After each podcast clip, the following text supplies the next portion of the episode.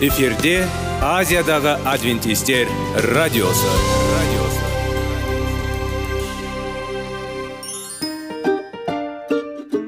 Сәлем достар. Денсаулық өмір бұлағы және біздің бірінші байлығымыз демекші денсаулық сағаты рубрикасына қош келдіңіздер. Біздің рубрикада біз әртүрлі факторларменен мәліметтерменен кеңестерменен бөлісіп шын жүректен сіздердің дендеріңіз сау болғанын қалаймыз. Сол үшін біздің рубрикаға қош келдіңіздер. Дайындалып тұрыңыздар. Өйткені келесі минуттарда қызықты фактілерге ие боласыздар. Енді достар ең бірінші байлығымызды қолымызға алып алға кеттік.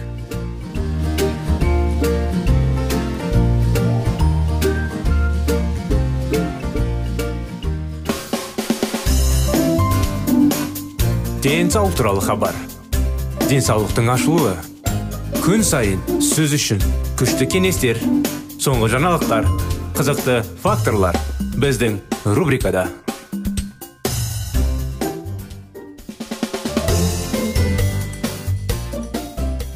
сәлем достар ассалаумағалейкум құрметті біздің радио тыңдаушыларымыз қош келдіңіздер біздің денсаулық сағат бағдарламамызға сіздермен бірге әрдайым пайдалы кеңестер дұрыс әдеттер жеміс жидектер дұрыс денсаулықты қалай бағалап оны қалай күту жайлы кеңестер алып мәліметтер және де диалогтар жүргізіп кітаптар оқимыз анықтамалар аламыз. Соның бәрі біздің денсаулық сағат бағдарламамызда. Қазіргі уақытта сіздерге дұрыс әдет тақырыптарын жалғастырудамыз. Тамақтану режимін ұстану әдеті бүгінгі күнде тақырып. Мәңгі бос адамдардың тағы бір әлсіз орны тамақтану режимінің болмауы. Көп жағдайда біз таңғы асқа уақыт өткізбейміз. Немесе жұмыста үлкен жүктемеден түскі ас өткіземіз. Нәтижесінде біз үйде тығыз түскі ас немесе печеньемен және кәмпиттермен тәбетті бұзамыз. Егер сіз өз денсаулығыңызды бұзғысыңыз келмесе тамақтану режимін ұстану әдетін сатып алу уақыты. Ал біз сізге қалай айтамыз? Неге біз тамақтану режимін ұстану керекпіз? Неге ол бізге маңызды? Өзіңізді болмаса жақындарыңызды болмаса достарыңызды естеріңізге түсіріңізші. Олардың күнделікті режимдері қалай өтіп жатыр? Әрине көп кісілер режим тамақты дұрыс ішпейді. Азанда тамақ ішпей шығып кетеді түскі асқа немесе бір нәрсе жесе жеді жемесе түскі аста бір нәрсе қылып бір нәрсе қылып өтірік болса да жеп қояды тамақты. Печеньемен бір нәрсе жеп қоя салады. Рас қой. Ал түскі асқа не істейді? Ештеңке жемейді. Түскі асты өтірік бір нәрсе булочка шәй салады. Кешке үйіне келеді о опырып тұр тамақты жейді. Әрине оның бәріне ағзаға әсер береді. Керісінше әсер береді. Сондықтан тамақты бірінші тиімді барынша тиімді сіңіруге ықпал ететін тамақтану режимі сонымен қатар біздің асқазанымыз қамқорлық қажет. Оның жұмысын үздіксіз жектеуге жүктеуге болмайды. Асқазанның бір тамақтан кейін өз жұмысын жасағаннан кейін асқазан демалғанға дейін оған ештеңе қоспаңыз. Және ағзаға тағамның басқа бөлігін қорыту үшін асқазан сөлінің жеткілікті мөлшерін жасамайды. Тамақтану арасында көменді кеменді 5 сағат өту керек кемінде. Не үшін. Тағы бір маңызды факт адам денесінің массасы тамақ ішу уақытымен тікелей байланыстыға ие. Үнді зерттеуші сачиданандан панда. Адамдардың дене салмағы азық түлік тәуелдігіне сондай ақ олардың диеталарының калориялығы бірдей тамақтану режиміне байланысты өзгеруі мүмкін екенін көрсетті. Негізгі тамақтың жаңа 4-5 сағат болу керек тамақтардың ара қашықтығы неліктен? Тамақ неге 3-4 сағат қорытып 4 сағатқа жаңағы бәрі қорытады тамақты. Кейін бір сағаттай ол демалу керек. Кейін тамақ ішуіңіз керек. Неге? Сондай жағдаймен сіз қалай енді өзіңізді тамақтарыңызды тамақ жеуді сөйтіп үйретсеңіз ертеңгісін асқазаныңыз сізге рахмет айтады. Ал біз не істейміз? Өтірік өтірік тамақ жеп араларында тағы жей береміз жей береміз екі үш сағат бір нәрсе ауызға сала береміз. Оның бәрі жаңағыдай орысша айтқанда изжогаға келеді. Асқазанды құртады. Өйткені жаңағы сіз елестетіп көріңізші. Сіз тамақ жедіңіз иә? Мысалы таңғы асты іштіңіз. Түскі асқа дейін төрт бес сағат бар. Сіз тамақ ішіп болғаннан кейін екі сағаттан кейін бір нәрсе саласыз. Ал іште не болып сіз білесіз ба? Сол уақытта іште асқазан қорытып адам ішінде арнайы бір кислота бар. Сол кислота тамақты қорытып қорытып жатқан кезде біраз іс, іс болды. Енді қорытып жаңағы бәрін айналдырып обрабатывать етіп ары қарай кететін жағына кететін алдында сіз тағы бір нәрсе салдыңыз. Ішіңізде жаңағы кислота бәрін қорытып жатқан жерінде тоқтап қалды да сіз ішке тамақ түсті. Жаңағы жаңа тамақпен ескі қорытылып жатқан кислотамен айналып біткен тамақтың бәрімен қайтадан басынан бастап қорыта бастайды. Әрине асқазан сөйтсе сөйтіп құртыла бастайды. Тамақтану режимін ұстанғанда не болады? Бір уақытты тағамның тұрақтылығы өте маңызды. Уақыт факторына тәбет қозуының шартты рефлексі қалыптасады. Белгілі бір уақытқа тамақ орталған орталған қоздыратын және асқазан цөлінің рефлекторлық бөлінуін іске қосатын аштық сезімі бар. Нақты ұйымдастырылған дұрыс тамақтану режимі ас қорыту және сору үшін ең тиімді болып табылады. Бір уақытта тамақ алуға үйренген организм түскі асқа дайындалады. Және қажетті ферменттерді бөліп жүйені белесіндіреді. Дені сау ересек адам үшін тамақтану арасындағы ең оңтайлы аралықтар 4-6 сағатты аралықтар сонымен қатар ас қорыту бездері тәуелдігіне тәулігіне 6-10 сағат бойы ас қорыту мүшелерінің келесі тәулікте қалыпты жұмыс істеу қабілетін қалпына келтіреді. Кейбір кісілер білесіздер қандай шаралар қолданады? Бір күндік ораза ұстайды. Азаннан кешке ештеңе жемейді тек қана су ішіп жүреді асқазан ретке келтіреді. Әкем қайтадан келесі күннен бастап режиммен тамақ ішуге тырысады. Егер біз тамақтану режимін ұстанбасақ не болады? Тамақтану режимі бұзылған кезде шартты рефлекс жойылады. Тамақ ас қорытуға дайындалмаған асқазанға түседі. Бұл азық түлік орталығына әсер етеді.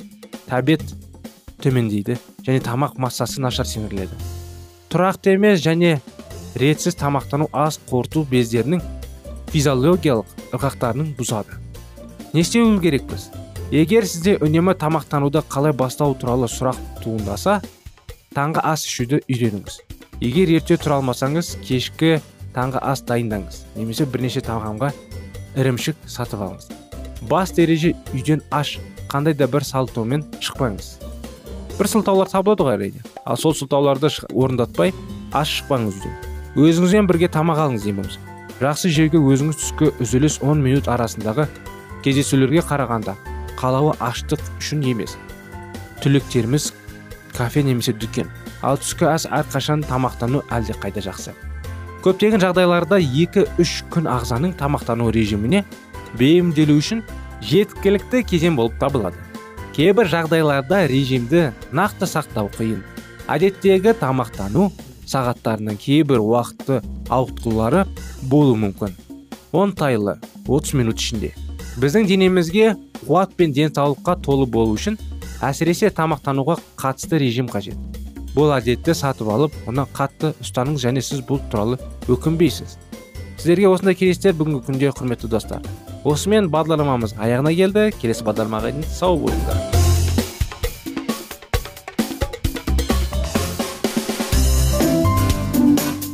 Денсаулық туралы хабар.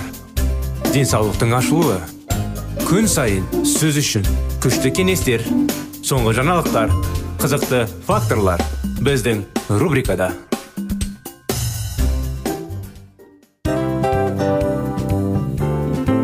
Әуелі байлық денсаулық екінші байлық оң саулық үшінші байлық ақ жаулық ал енді осындай радио парақшадан кейін не дейміз?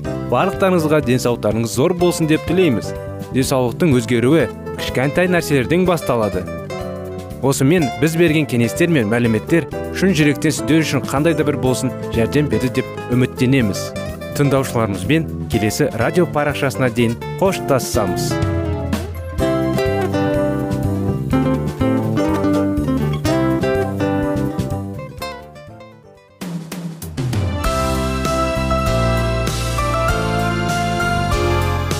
эфирде азиядағы адвентистер радиосы.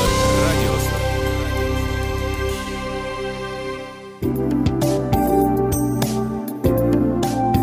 сәлем достар. Барлықтарыңызға шын жүректен сөйлесейік рубрикасына қош келдіңіздер деп айтпақшымыз. Шын жүректен сөйлесейік бағдарламасы әртүрлі қызықты тақырыптарға арналған. Шындығында шын жүректен сөйлесейік деген сөздің мағынасы екі достың екі адамның ортасындағы шын жүрекпен сөйлесуі бір біріне сенуі ашықтық пен шындықты білдіреді. Сол үшін біздің бағдарламалар әртүрлі қызықты тақырыптарға арналған. Дайындалыңыз жаңа қызықты мәліметтерге ие болуға. Ондай болса кеттік.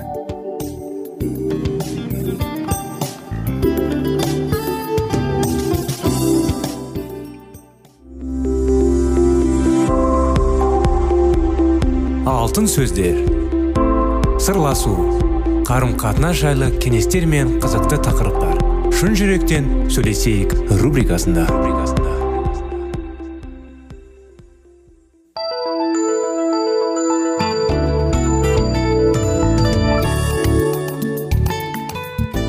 Армысыздар құрметті достар құрметті радио тыңдаушыларымыз сіздерменен бірге шын жүректен сөйлесейік бағдарламасы. Біздің бағдарламамызға қош келдіңіздер. Сіздер назарларыңызға шектеулер кітабын оқып жүрміз. Шектеулер қою бүгін не үшін маңызды? Шектеулер не үшін керек? Қандай жағдайларда оны қолдану керек жайлы анықтамаларды аламыз. Шектеулермен байланысты болатын отбасылық кикілжіңдерді шешу. Жақын туыстармен араға шектеулер орнату оңай шаруа емес. Бірақ мұны істеу шынымен де қажет. Бұл айқын көрінетін белгілі бір кезеңдерден тұратын бүтін бір процесс. Аурудың белгісін анықтаңыз. Өміріңіздегі жағдайды қарастырып туыстарыңызбен немесе іні қарындастарыңызбен араларыңызда шекара орнатудан қандай қиындықтар бар екенін анықтаңыз. Бұл жерде мен өз өмірімді қай кезде бақылаумен шығарып алдым деген басты сұрақты қою қажет. Себептерді жауап оларды өскен отбасыңызбен қандай байланысты барын анықтаңыз. Осының бәрін шешкеннен кейін сіз дұрыс жолға түсесіз. Кикілжіңді анықтаңыз. Қандай заңды бұзып жүргеніңізді анықтаңыз. Мүмкін сіз үш бұрыштың құрылуына қатысып жүрген боларсыз. Немесе оларға қатысты өз міндеттеріңізді орындаудың орнына өз туыстарыңызға ағаңыз қарындасыңыз үшін жауапкершілік көтеріп жүрген шығарсыз. Болмаса біреуді оның өз әрекеттерінің салдарынан құтқармын деп нәтижесінде өзіңіз зардап шегіп жүрсіз. Немесе туыстарыңыз бен қатысты енжарлық танытасыз. Өз әрекеттеріңнің мәнін түсінбейінше өзгеру мүмкін емес. Өз көзіңіздегі бөрнені алып тастаңыз. Сонда туыстарыңызбен қатысты өзіңізді қалай ұстауыңыз керектігін анық көресіз. Қиындықтардың тамырын өзіңізден іздеңіз. Қандай шекараларды бұзатыныңызды немесе оны өзгерлерді бұзуларына қай жерде жол беретіңізді іздеңіз кикілжіңді туындататын қажеттілікті анықтаңыз. Сіздің дұрыс әрекет етпеуіңіздің түсіндірмесі бар. Көп жағдайда сіз кезіңізде өз отбасыңыз қанағаттандырмаған қандай да бір қажеттілікті қанағаттандыруға ұмытыласыз мүмкін сіз бұл тордан сүйікті және түсінікті болуға деген қажеттіліктің кесірінен шыға алмай жүрсіз. Сіз өзіңіздің қажеттіліктеріңіздің орны тек жана құдайдың отбасында шынайы әке шешеңізге іні қарындастарыңызға айналған адамдардың арасында ғана тола алатынын түсінуге тиіссіз. Жақсы нәрселерді қабылдаңыз. Қажеттілікті анықтап. Оны анықтап қана қоймай. Жеткіліксіз. Сіз оны оны қанағаттандыруға қол жеткізуге тиіссіз. Құдай сіздің мұқтаждықтарыңызды өзінің адамдары арқылы қанағаттандырғысы келеді. Ал сіз ойынсынуға жақсы достар табуға жақсылықтарды қабылдауға тиіссіз. Жақсы бір нәрсені күтіп дарындарыңызды жерге көмудің қажеті жоқ. Алғашқы кезде бұл қиынға түссе де сүйіспеншілікке жауап беруді және оны қабылдауды үйреніңіз. Шекаралар орнату шеберлігін шыңдаңыз. Сіздің шекаралар орнату мен оларды қолдану жаттығуыңыз әлі әлсіз және жетілмеген. Оларды бірден қиын жағдайларла тексеруге болмайды. Мұны алдымен сіздің талпыныстарыңызға құрметпен түсінушілікпен қарайтын адамдарға қолданып көру қажет. Яғни жарақат алғаннан кейін денсаулығыңыз жаңа түзеліп келе жатқанда сіз ауыр заттар көтермеуге тырысасыз ғой. Сіз оның салмағын біртіндеп ұлғайтасыз. Жан жарақатты болғанда да дәл осылай істеу қажет. Жаман нәрсеге жоқ деңіз. Жаңа дағдыларға қолдаған кезде жанға балатын жағдайлардың аулақ болыңыз. Сауғудың бастапқы кезінде жүрген кезіңізде бұрын өзіңізбен жаман қарым қатынас болған адамдардан аулақ жүргеніңіз дұрыс болады. Бұрын өзіңізге билігін жүргізген немесе қысым жасаған адамдармен қатынасты қайта жаңғыртуға дайынмын деп шешкен кезіңізде. Оған өзіңізге көмектесе және қолдай алатын досыңыздан ертіп барыңыз өзіңіздің зиянды жағдайлар мен қарым қатынастарға бейім екеніңізді түсінесіз сіздің қатты зардап шегіп бұған ыңғайлы құралдарыңыз болмайынша жаңа қарым қатынастарға бара алмай жүргеніңіз мүмкін. Абай болыңыз. Асығыстық жасасаңыз қайтадан ыңғайсыз жағдайда тап болуы ғажап емес. Өзіңізді реніштен адамды кешіріңіз. Біреуді кешіру оның қарызын ұмытуды білдіреді. Өзіңізді ренжіткен адамды кешіруден бас тарту арқылы сіздің әлі де болса одан бір нәрсе алғыңыз келеді. Тіпті одан кек қайтаруды қаламаған күннің өзінде сіз өмір бойына оған байланып қаласыз. Отбасы мүшелерінің бірін кешіруден бас тарту бұл өзінің дисфункциялардың отбасынан ажырауға қабілеттіліктің басты себептерінің бірі. Яғни сіз әлі де олардың бір нәрсе алуды қалайсыз. Қарызын төлеуге мүмкіндігі тоқтайды. Кешіріп құдайдың рақымына ие болған әлде қайда артық осылай істеу арқылы азаптарыңыздың араласыз. Себебі сіз қайтарымды алу тілегінен бас тартасыз. Сіздің оны бәрібір ала алмай өзіңізді босқа азаптауыңыз әбден ықтимал. Егер сіз өзіңізді ренжіткен адамды кешірудің қаламайтын болсаңыз онда сіз одан оның бергісі келмеген нәрсесін талап етесіз. Тіпті бұл жай ғана оның өз ісінің дұрыс еместігін мойындаудың ғана болса да бұл сіздің оған байлап қояды және шектеулерді бүлдіреді. Өзіңіз шыққан отбасын кешіріңіз. Жалғап тұрған жіпті үзіңіз. Содан азат азаттық аласыз әрекет жасамай жауап беріңіз. Егер сіз өзге адамдардың сөздеріне немесе істеріне қатысты әрекет жасайтын болсаңыз егер бұл сізді абыржыта алатын болса онда сізде шектеулерге қатысты қиындықтар бар деген сөз. Керісінше жауап қайыру арқылы сіз жағдайды бақылауыңызды ұстайсыз. Сізде таңдау мүмкіндігі пайда болады. Мінекей құрметті достар осымен біздің бағдарламамыз бүгінгі күнде аяғына келіп жетті. Сіздерді келесі бағдарламамызда күтеміз келесі жолға дейін сау болыңыздар.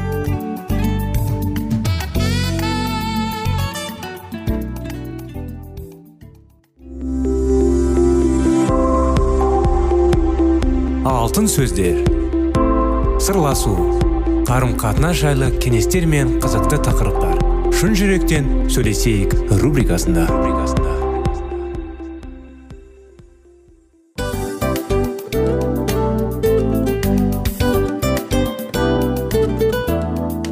Құрметті достар барлық ең соңғы кеңестер аяқталған соң біздің программамыз соңына келіп қалды. Осы біздің мәліметтер осы рубрикада айтылған әрбір сөздер сіздерге өзінің қандай да бір пайдасын алып келді деп шын жүректен сенеміз. Және бұдан да көптеген рубрикаларымыз бар. Басқа рубрикаларымызда біздің зерттеулерімізде сіздер үшін тағы да қызықты мәліметтер дайын. Біздің шын жүректен сөйлесейік парақшамызда көптеген әдістер ең соңғы кеңестер адамның нравственность жақтан моральдық жақтан тазалап байыта тұрған соңғы кеңестердің барлығын жанарады. сондықтан алдыңғы күндерде бізбен бірге болыңыздар. Өйткені барлық қызықтар алдыда. Бізбенен бірге болғандарыңызға үлкен рахмет. Келесі кездескенімізше сау сәлемет болыңыздар.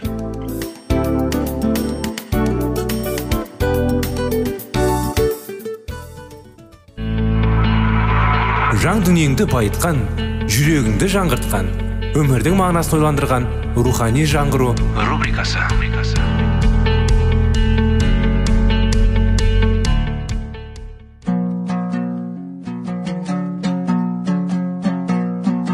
Ассалаумағалейкум біздің тыңдаушыларымыз.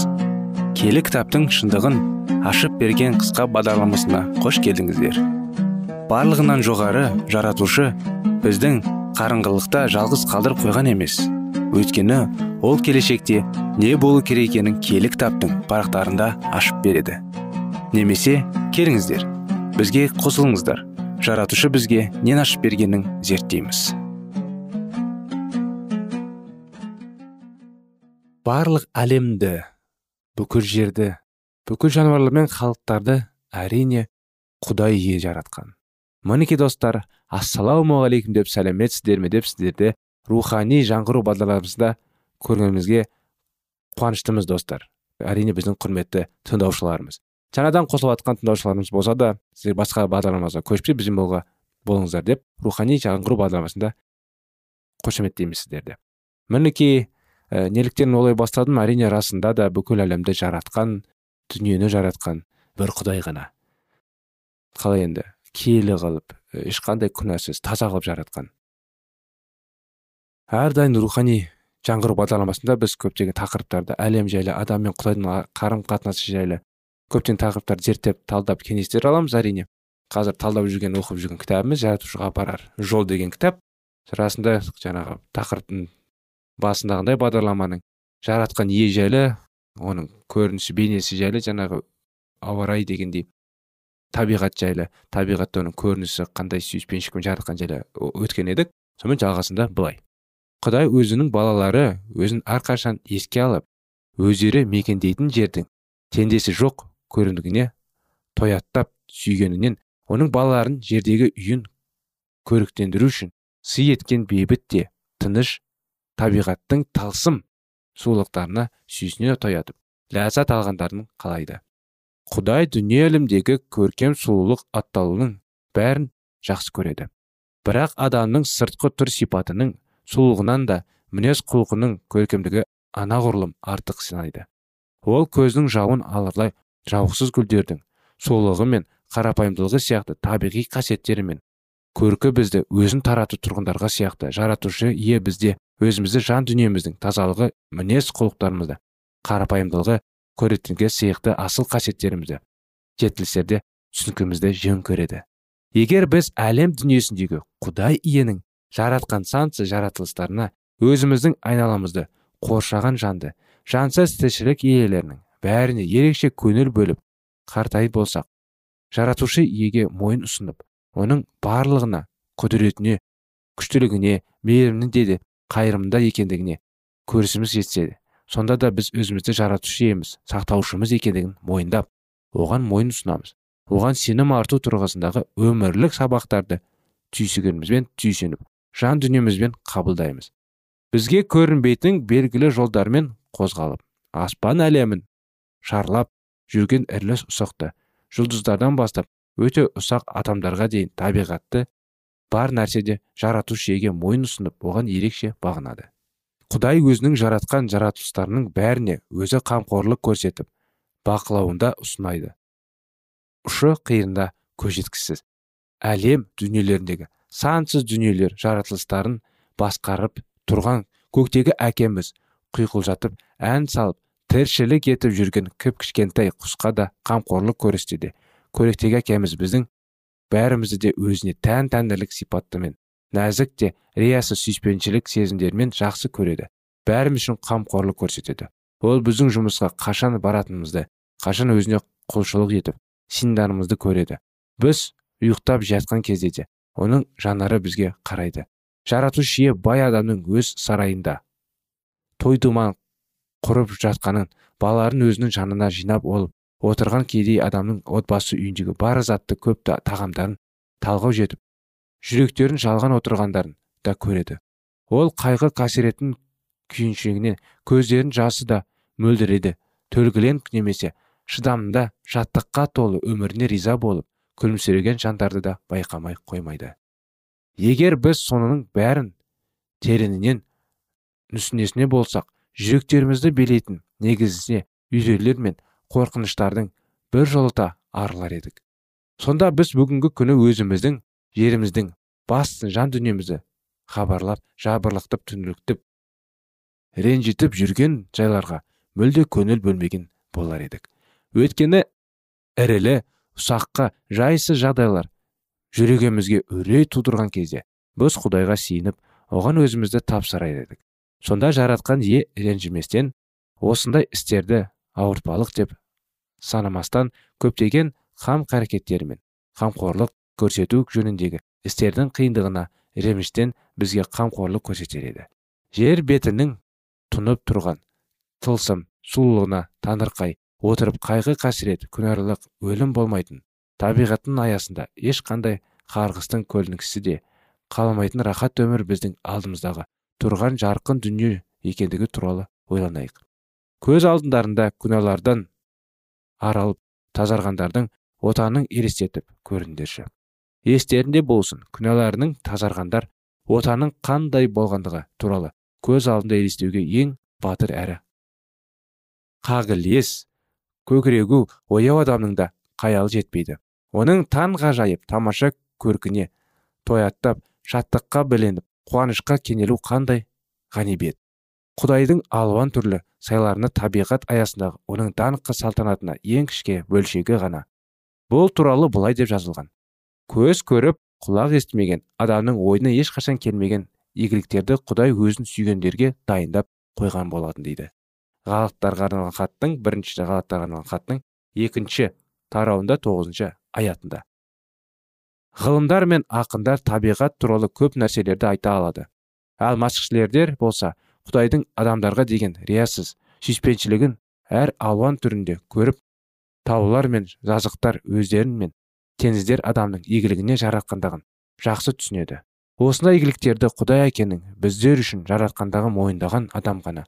Табиғатын тылсым сұлулықтарының шынайы да мағыналы түрде ләззат алып осы игіліктерді ең жоғары деңгейге бағалай білетін болады.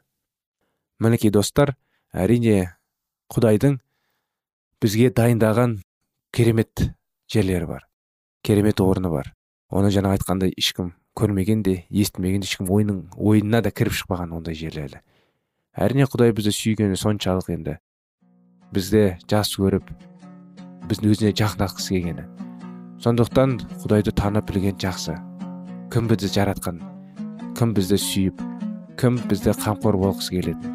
Әрине бәзі алдында айтқандай бізге де байланысты. Құдай бәрімізге істегісі келеді бірақ біз оны қалай енді қабылдап оған қандай енді. Оған кедергі жасамауымыз керек та. Керісінше онымен бірге болуымыз керек. Сондықтан мінекей достар тақырыптың жалғасы. Келесі жолы болады. Сонымен сіздерге келесі жолға дейін сау саламатты болыңыздар дейміз. Сау болыңыздар.